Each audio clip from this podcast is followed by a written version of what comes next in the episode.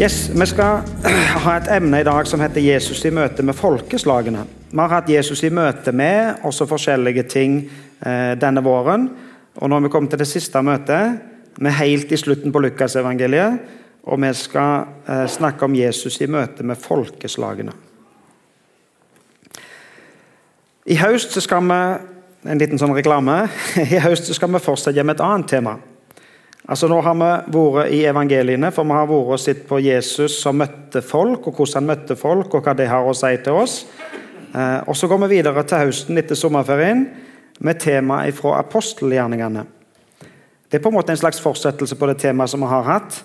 Eh, for det er jo den bok i Bibelen som kommer rett etter evangeliene, eh, og rett etter den teksten som vi skal lese i dag. Og det er Lukas som er forfatter av, av begge bøkene.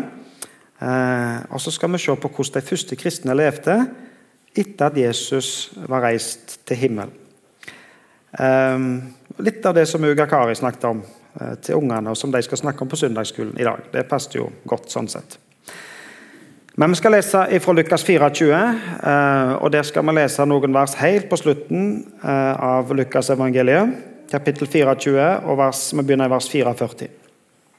Der står så sa han til dem, det var dette jeg talte om da jeg ennå var sammen med dere og sa at alt måtte oppfylles som står skrevet om meg i Moseloven, hos profetene og i salmene.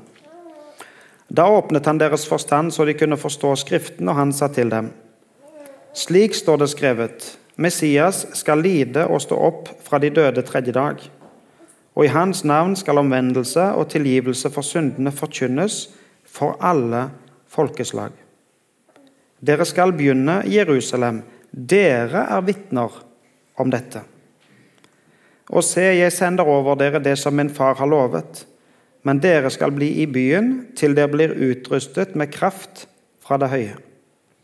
Så førte han dem ut til Betania, og han løftet hendene og velsignet dem. Og mens han velsignet dem, skiltes han fra dem og ble tatt opp til himmelen. De falt på kne og tilba ham. Så vendte de tilbake til Jerusalem i stor glede. Siden var de stadig i tempelet og lovpriste Gud. Jeg vet ikke om du noen gang har snakket med et menneske som du, som du snakket med for siste gang.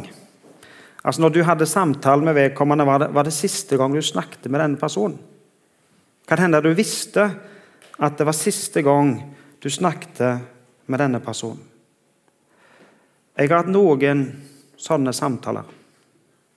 Ofte er det fordi at eh, en person nærmer seg slutten på livet, eh, og du får gjerne en anledning til en siste samtale. Hvis du tenker deg om på sånne samtaler, eller du kan forestille deg en sånn samtale, hva var det som var viktig å få sagt? Hva var det som var viktig å formidle ifra den som sa noe for siste gang og til deg. Hva ville du vært opptatt med for å si det så, hvis du skulle sagt noe for siste gang? Ville du sagt til de som hørte på, at nå er det viktig når jeg ikke er her lenger, at dere jobber mye, tjener mye penger? Bruk all energi og krefter på godt, en god jobb. Sørg for å få deg et flott hus. Kjøp deg en fin, dyr bil, så at du er sikker på at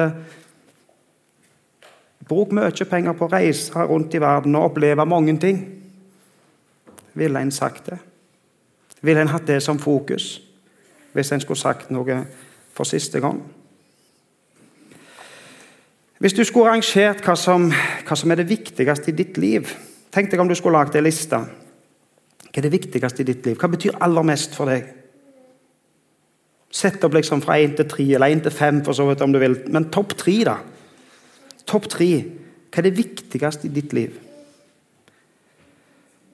Og så tenker jeg Det måtte vært spennende å lage to lister, faktisk. Lag to lister. Lagt ei liste om hva som er det viktigste. Hva tenker du når du tenker hva er det viktigste i mitt liv? Hva, hva vil du skal stå på den lista? Og Så kan du lage en liste til, og så kan du tenke hva bruker jeg mest tid på? Hva bruker jeg mest tid og krefter og energi? Hva opptar meg mest egentlig i hverdagen? Topp tre. Er de to listene like? Hva vil du skal være det viktigste for deg? Og hva er det egentlig du bruker mest tid på? Jesus formidler noe utrolig viktig til disiplene sine. Det er siste gang han snakker med dem. Det er siste gang han ser dem ansikt til ansikt. Og så etterlater ikke Jesus dem uten, uten at han er i lag med dem sånn sett. Altså, eh, Jesus sender Den hellige ånd, og Jesus er med osv. Men det er siste gang han står ansikt til ansikt med disiplene sine. Og hva formidler Jesus da? Jo, han formidler, han forteller og forklarer de kjernen, innholdet i evangeliet, i budskapet som, han, som er hans budskap. At Messias skal lide og stå opp den tredje dag. Messias skal lide og stå opp tredje dag. Kort og presist. Og det som var kjernen, hovedbudskapet. At Jesus døde på korset og sto opp igjen tredje dag. At han er Messias, at han er frelseren, han er den som de venter på. Og Så sier han videre at dette budskapet om Jesus det må ut. Det skal forkynnes til alle folkeslag. Og Så skal de på søndagsskole i dag, så som vi hørte her, Ruga Kari fortalte. De skal høre om hvordan de første kristne tok Jesus på ordet. Hvordan de levde ut det budskapet som Jesus hadde til dem. Og vi, jeg skal bare lese noen få vers fra apostelgjerningene 2. Eh, og Der kommer vi inn på akkurat det som Uga Kari snakket om, de fire b-ene. Eh, 2 og vers 42 står der. De holdt seg trofast til apostlenes lære og fellesskapet, til brødsbrytelsen og bønnene. Hver og en ble grepet av ærefrykt, og mange under og tegn ble gjort av apostlene. Alle de troende holdt sammen hadde alt felles. De solgte eiendommene sine og det de ellers eide, og delte ut til alle, ettersom hver enkelt trengte det. Hver dag holdt de trofast sammen på tempelplassen, og hjemmene brøt i brødet og spiste sammen med oppriktig og hjertelig glede. De sang og lovpriste Gud og var godt likt av hele folket. Og hver dag la Herren til nye som lot seg frelse. Dette verset i apostlene 2 vers 42 er det verset som vi har, tatt oss som har lagd disse her fire b-ene. Om eh, Bibelen, og om broderfellesskapet, om brødsbrytelsen og om bønnene. Og så står det ikke sånn i vår oversettelse nå at vi liksom får det til å bli fire b-er. Det gjorde gjerne det, tipper jeg, i 1930 eller noe. Men det er iallfall de fire b-ene. Om Bibelen, apostlenes lære, eh, og om broderfellesskapet, om fellesskapet, og brødsbrytelse og bønnene. Det var viktig for de første kristne. De holdt trofast, holdt seg trofast til dette. Og Så står det videre at eh, de var godt likt av hele folket. De var godt likt av hele folket. Vi så nettopp en misjonsfilm fra Taiwan. Og Han som var evangelist på Taiwan, han sa det viktigste, eller den mest effektive måten å forkynne evangeliet på, er måten vi lever på. sa han. Livsstilen deres forteller, um, formidler budskapet om Jesus. De holdt sammen, og de delte med andre. Og Så skal vi få lov å tenke at det er viktig for oss. At vi kan ta vare på fellesskapet. At vi kan ha et fellesskap her på bedehuset. At vi kan samle unger til søndagsskolen og barnelag og ungdom som hadde møte her i går kveld, og voksne. Og alle i lag, selvsagt, sånn som vi er i dag. At vi kan eh, fokusere på Guds ord, lufte Bibel, og at bibelordet betyr noe for oss i dag. At vi kan dele brød brødsbrytelsen, nattverden i lag, og at vi ber i lag. Og gjøre sånn som de, der sto om disse første kristne, at de sang og lovpriste Gud. Det er jo det vi gjør på en storsamling. Vi synger og lovpriser Gud. Lufter opp Guds ord, formidler det til hverandre. Og så vil Det jo være så at det er viktig for oss at dette som vi deler her på bedehuset, det er ikke noe som bare gjelder klokka 11 på søndags formiddag men det er noe som gjelder hele livet. For livet med Jesus er jo mer enn bare å sitte her en time hver søndag. Men det er noe som gjelder hele livet mitt. For Jesus er en person, og han har en personlig relasjon til oss. og Han betyr faktisk alt for oss. For han er frelser og herre i livene våre. Og det er klart, Da vil det prege livet vårt, hverdagen vår, arbeidstimene våre, eh, fritidsaktivitetene våre. Det vil prege familiene våre og ungene våre. I dag har vi gjort noe utrolig viktig, gjort noe flott. Vi har fått lov å tatt imot to små gutter til dåp. Og så har vi løfta dem fram, løfta dem opp. Og så har vi vist dem fram for dere og så har vi sagt disse hører til i vårt fellesskap. Nå hører de til i en av de fire b-ene, broderfellesskapet. ikke sant? De, de, er våre, disse to guttene. Det er vårt ansvar. Og så blir det viktig for oss å prioritere disse to. Å tenke på disse to, ha omsorg for dem og be for dem. Sørge for at de har eh, søndagsskole og barnearbeid og, og, ting å gå på her på bedehuset. Det er viktig for oss som fellesskap. Og så er det viktig for familien og for fadderne og for foreldrene, selvsagt. Hvis du spør mammaen og pappen til disse to guttene hva er viktig for dere? Hvorfor, hvorfor har dere denne Hvorfor bærer dere vi fram til dåp i dag? Hvorfor gjør dere det? Så vil jeg tro de svarer jo for det er det viktigste for oss at disse guttene våre skal få høre Jesus til. Og så kommer det nå i mange år, hele livet egentlig, for disse foreldrene som har båret fram to gutter. De kommer til å, til å måtte legge ned mye tid, krefter, omsorg, arbeid for disse to små. For de har jo så uendelig stor verdi for foreldrene sine. Og så er det største ønsket deres at de får lov å høre Jesus til. Og så har jeg lyst at vi skal merke oss et viktig poeng. Det står i teksten, og det som Jesus sier til disiplene, at omvendelse, omvendelse og tilgivelse skal forkynnes for alle folkeslag. Det budskapet som er viktig for oss. Det som gjør at vi har dette arbeidet her på bedehuset, det som gjør at dette budskapet preger livet vårt, at vi, det er så viktig for oss at vi lufter opp ungene våre til Jesus. Det budskapet skal ut til alle folkeslag. Vi kan faktisk ikke holde det for oss sjøl. Vi kan faktisk ikke bare drive arbeid her på bedehuset og, og slå oss til ro med det. Vi kan ikke engang bare drive arbeid her i Norge. Nei, budskapet skal faktisk ut til alle folkeslag. Alle folkeslag. Jeg skal fortelle dere noen egenopplevde opplevelser for å illustrere, for å forklare noen poeng. Og så har jeg bare lyst til å si at det, det er en fare med å fortelle eh, historier. At dere blir sittende igjen med historien heller enn poenget. Så har jeg lyst til at dere skal prøve så godt dere kan i dag og merke dere hva er egentlig poenget. Hvorfor forteller han Lars disse historiene? Ikke fordi jeg skal liksom komme meg med røverhistorier fra Afrika, det er ikke det som er poenget.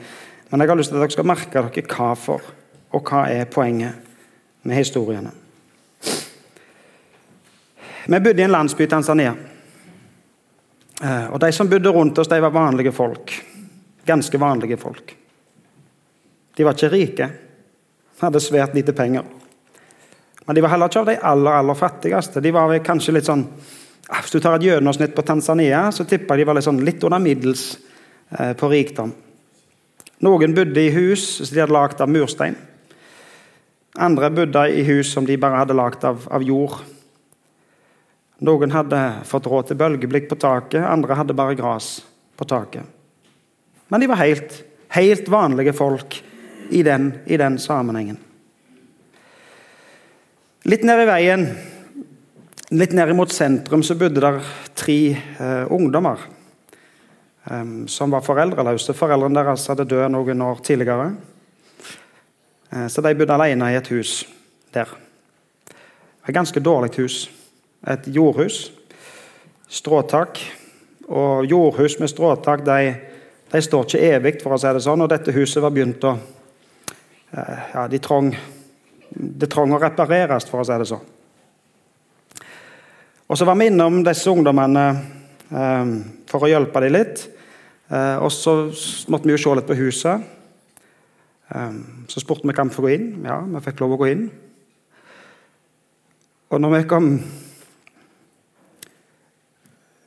Når vi kom inn i huset, så viste det seg at det var en bror til som bodde i det huset. Som eh, jeg var inne i det huset stort sett eh, alle timene i døgnet. Han eh, kunne ikke snakke, hadde ingenting språk. Han var tolv år gammel. Han kunne ikke gå, han kunne ikke bruke hendene sine til noe funksjonelt. Og du er klart Disse tre ungdommene de, de måtte jo gå på skole og på arbeid og på sitt. Eh, men de klarte faktisk å ta seg av han yngste broren som ikke hadde mulighet noe annet enn å ligge inne i, huset der. Den dagen spurte vi om vi kunne få lov å ta han ut.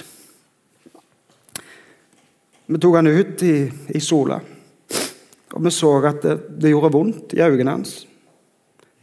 For han var ikke vant til å se dagslys. Ganske utrolig faktisk at disse søsknene hadde klart å passe på han så mange år. For det var ingen, eh, ingen sosialsystem, ingen Nav, ingen, ingen, ingen hjelpemiddelsentral der de kunne søke om noen ting. De måtte faktisk ordne det sjøl. Ta vare på han sjøl. De kunne ha gitt han opp. Tenkt at dette går ikke. Og det er faktisk ganske mange som gjør det når de havner i en sånn situasjon. Ungene våre var blitt litt store. Så vi hadde ei barnevogn som hadde vært til våre. Um, som vi tenkte den må vi få lov å gi til, til dem. Han het Mgåsi, han gutten. Han var tolv år gammel. Passet egentlig perfekt opp i ei barnevogn. Og så gikk jo Kjersti ned, uh, ned um, noen ganger ja, det er det noen ganger i uka. så tok hun gås ut på tur i vogna for at han skulle få lufta seg. Og, ja. og så gikk han rundt forbi til naboene, og så sier naboen at 'Oi, er det han?' Han har vi aldri sett. Er det så han ser ut?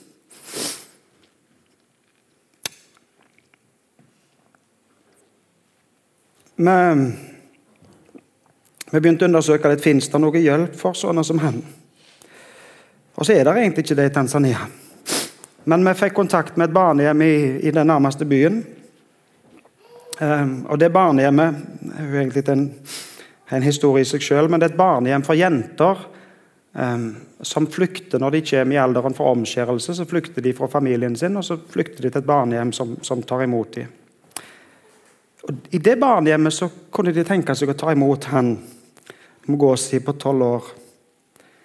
Um, og så fikk vi, fikk vi kjørt Gåsi inn til barnehjemmet i lag med barnevogner. Um, og, og, og, jentene syntes det var kjempestas å ha en bror som de kunne trille rundt på i barnevogn. Og den vognen ble godt brukt. for å si det sånn. Hvis den selges på Finn, så står det ikke 'pent brukt'. skal jeg love deg. Og Så besøkte søsknene hans, spesielt søsteren som heter Antonia, besøkte Mgosi på barnehjemmet i Mosoma. Og Så forteller hun at eh, nå smiler han. Han har det godt. Det er folk som bryr seg om han. Og så fikk vi ordna det på den måten for han. Men det er utrolig mange i Tanzania um, som ikke har mulighet til å få hjelp.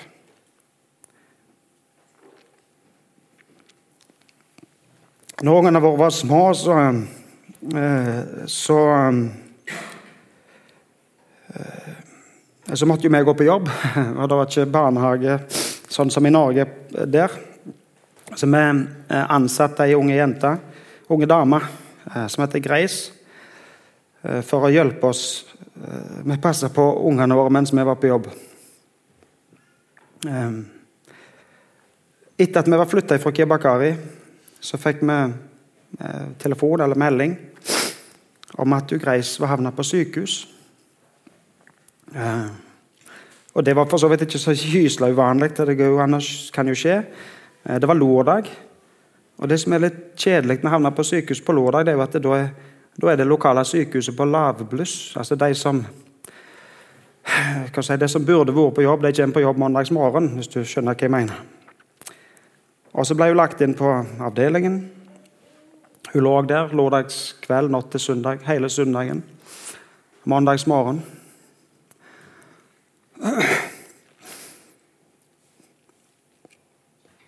Og Mandag morgen, når rett til vedkommende kom på jobb, så ble hun frakta i all hast til sykehuset i Bonde. Det er bygd opp av Misjonen på 90-tallet. Når hun kom til Bonde, så var det for seint. Men hadde hun blitt sendt der tidligere, så hadde det for så vidt vært en forholdsvis enkel sak å redde livet hans. Men pga. et dårlig helsetilbud så mister du Greis livet.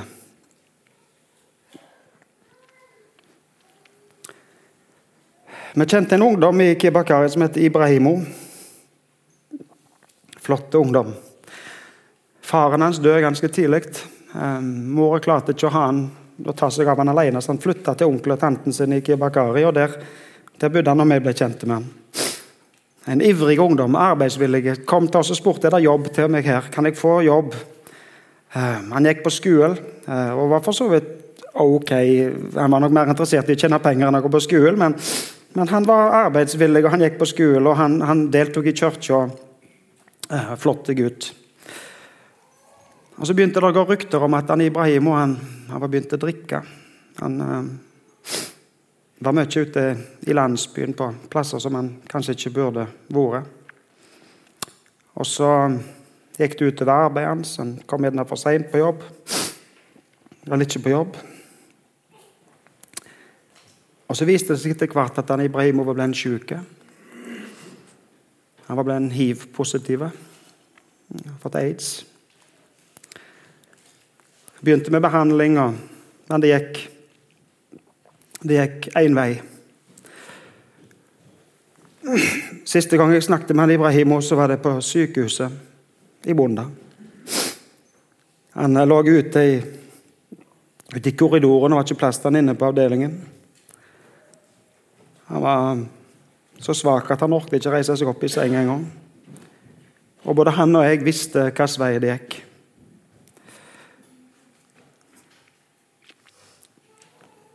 Når jeg lukker øynene, så hører jeg hva han sa.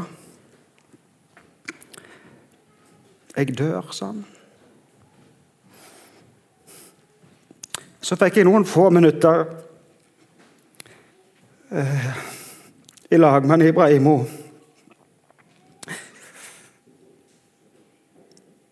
Og det som var viktig for meg da Eller hva tror du var viktig for meg da? Jeg kunne jo sotet meg ned og snakket med Ibrahimo at, eh, og snakket med han om, om alkohol og misbruk. og Var forsiktig om, om, om, arbeidsmoral, om hvordan han burde stilt opp på jobb. Holde seg vekke fra det som drog han vekk. Hvordan han som eldste sønn, som hadde mista far sin, han burde jo stått opp og tatt ansvar. Jeg burde jo selvsagt hatt mange lange samtaler med han om det. Men jeg burde gjort det mye før. Ikke nå. Eller kunne ha sett meg ned og snakket med han om, om etikk om kristne verdier, om, om samliv og ekteskap og den type ting. Det heller var ikke viktig i den situasjonen. Men det som ble viktig for meg i samtalen med Ibrahimo da, var å få lov å si et ord om Jesus. Og få lov å fortelle ham om Frelseren, om tilgivelse, og om evig liv, og om håp. Og så fikk jeg lov å be til Gud i lag med Ibrahimo. Når vi flytta til Tanzania, så ble vi overraska over, over, en ganske merkelig tradisjon, syns vi iallfall da. Eh, hvis du, hvis du, ble gravid Altså ikke jeg, da, men damer. Hvis de ble gravid, så skulle de helst ikke fortelle at de var gravid.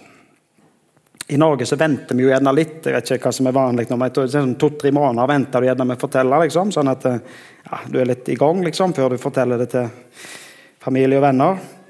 Men i Tanzania eh, så venter de faktisk tre måneder etter fødsel med å fortelle at de har fått en, en gutt eller jente.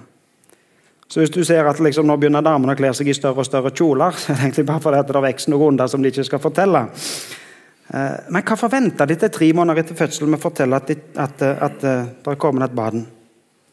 Jo, det er ganske stor sjanse, faktisk, for at det ikke går så bra.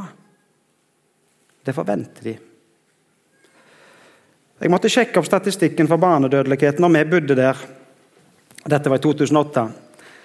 Um, statistikken for barnedødelighet da, altså hvor mange unger dør før de er fylt fem år av 10% Altså én av ti dør før de er fylt fem år. Jeg måtte sjekke opp statistikken igjen. Eh, og fant ut at I år 2000 så var det 13% I 2008 når jeg sjekket det, så var det 10% Så heldigvis går det rette veien. Den siste statistikken fra Tanzania sier at det er 5 Én av 20 dør før de er eh, fylte fem år. Vet du hva statistikken er i Norge? Barnedødeligheten før fylte fem år. Han er under to promille. Altså mindre enn to av tusen. I Tanzania er det én av 20. Forventa levealder i Tanzania er 60 år. For en mann. I Norge så dør 80. I Tanzania har 50% av befolkningen tilgang på rent vann. Kan du tippe hva det er i Norge? 100%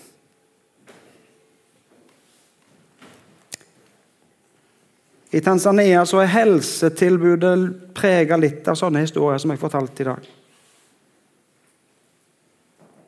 Det fins ingen statlige systemer for å hjelpe folk til å leve med funksjonshemminger. Ingen offentlige sosialhjelp. Hva bryr det oss? Jesus sier at budskapet om han skal forkynnes for alle folkeslag. Vi kan faktisk ikke snu oss vekk. Vi kan faktisk ikke late som om vi ikke vet.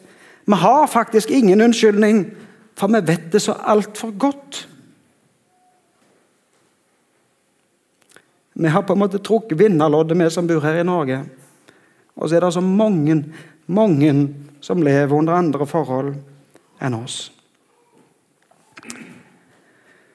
I samtalen min med Ibrahimo så var det ikke helsetilbudet som sto i fokus, men det var budskapet om Jesus. Hvis du går inn på Joshua Project og leser joshuaproject.net, men dere finner det iallfall på internett, så sier de at det over tre milliard mennesker lever i folkeslag som regnes som minst nådde. Hva betyr det? Jo, det er faktisk over tre milliard mennesker på kloden per i dag som ikke kan forvente å møte et levende vitnesbyrd om Jesus. Per i dag så kommer de ikke til å treffe noen i løpet av livet sitt som kan fortelle dem at jeg kjenner Jesus, og vitne om han. Hva gjør vi med det?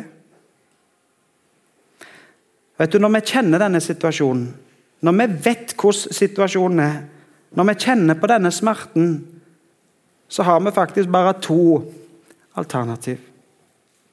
Og Det første alternativet, og det mest innlysende alternativet, er at du må faktisk reise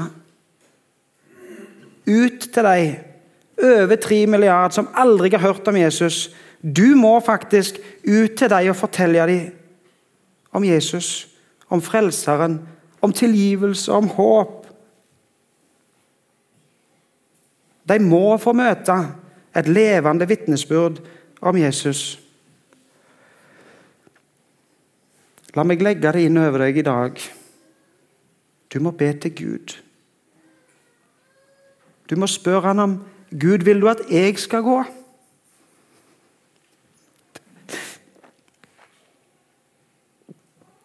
Hvor vil du jeg skal reise? Hvem vil du jeg skal vitne for?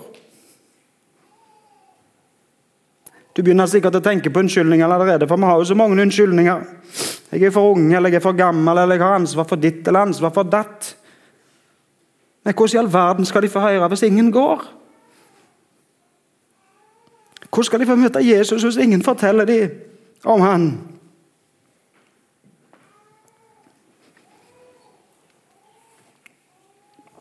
Det andre alternativet Hvis du i bønn til Gud finner at du faktisk ikke kan reise Hvis du faktisk finner at du skal bo her på Vea i Norge, så må du sørge for at noen andre får reise. Så må du sørge for at det budskapet om Jesus, et levende vitnesbyrd om Jesus, får nå til de likevel. Og vi i fellesskap, vi må sørge for at evangeliet blir forkynt til flere. Og det handler om bønn. Det handler om omsorg. Det handler om støtte. Det handler om å gi penger. Vi må sørge for at noen andre kan reise hvis vi ikke reiser sjøl. Hva sa Jesus til disiplene? Og Jesus sa omvendelse og tilgivelse skal forkynnes for alle folkeslag. omvendelse og tilgivelse, ikke hvis dere vil. Nei, skal forkynnes. Omvendelse og tilgivelse skal forkynnes for alle folkeslag. Han sier ikke 'hvis du vil', nei, han sier 'skal'. Det er faktisk ikke opp til oss. For Han som har all makt i himmel og på jord, han sier at dette budskapet skal forkynnes. Og så gir han oss invitasjon og sier dere kan få være med. Dere kan være vitnesbyrd ut til alle folkeslag om Jesus. Messias skal lide og stå opp fra de døde tredje dag, og i hans navn skal omvendelse og tilgivelse for syndene forkynnes for alle folkeslag. Dere er vitner om dette. Så førte han dem ut mot Betania. Han løftet hendene og velsignet dem. Og mens han velsignet dem, skiltes han fra dem og ble tatt opp til himmelen. De falt på kne og tilba ham. Så vendte de tilbake til Jerusalem i stor glede. Siden var de stadig i tempelet og lovpriste Gud. Han lufta hendene, og han velsigna dem. Du, Jesus har lufta hendene over oss, han har velsigna oss. Vi er rikt velsigna. De falt på kne og tilba han. Så samles vi her og tilber han. De var stadig i tempelet og lovpriste Gud. Vi samles i dag og lovpriser Gud. Dere er vitner om dette, sa Jesus. Vi er vitner om dette. Og dette vitnesbyrdet skal nå til alle folkeslag, skal vi be. Kjære Jesus, takk for ordet ditt til oss. Jesus, takk at uh, du har tilgivelse til alle folk, til alle folkeslag. At du har plass i ditt rike til alle som hører deg til. Jesus, takk at vi har fått lov å høre dette budskapet. Og Jesus, jeg ber deg om at du må legge smerten inn over oss, at det er så mange som ennå ikke har hørt. Og Jesus, må vi få lov å være med. Må vi få lov å være med og bidra. Gi av vårt, sånn at disse kan få høre. At det vitnesbyrd om deg må forkynnes til stadig flere. Takk for Ruben og Arthur, familien deres. Ber deg for deg, ja. fadderne. Og du hjelper oss å huske på dem. Takk for fellesskapet vi får lov å ha i lag. Og så ber vi om at du må velsigne søndagen for oss, sommeren for oss. Og at vi får lov å starte opp igjen eh, etter sommerferien og legge dagen i dine hender, i ditt navn. Amen.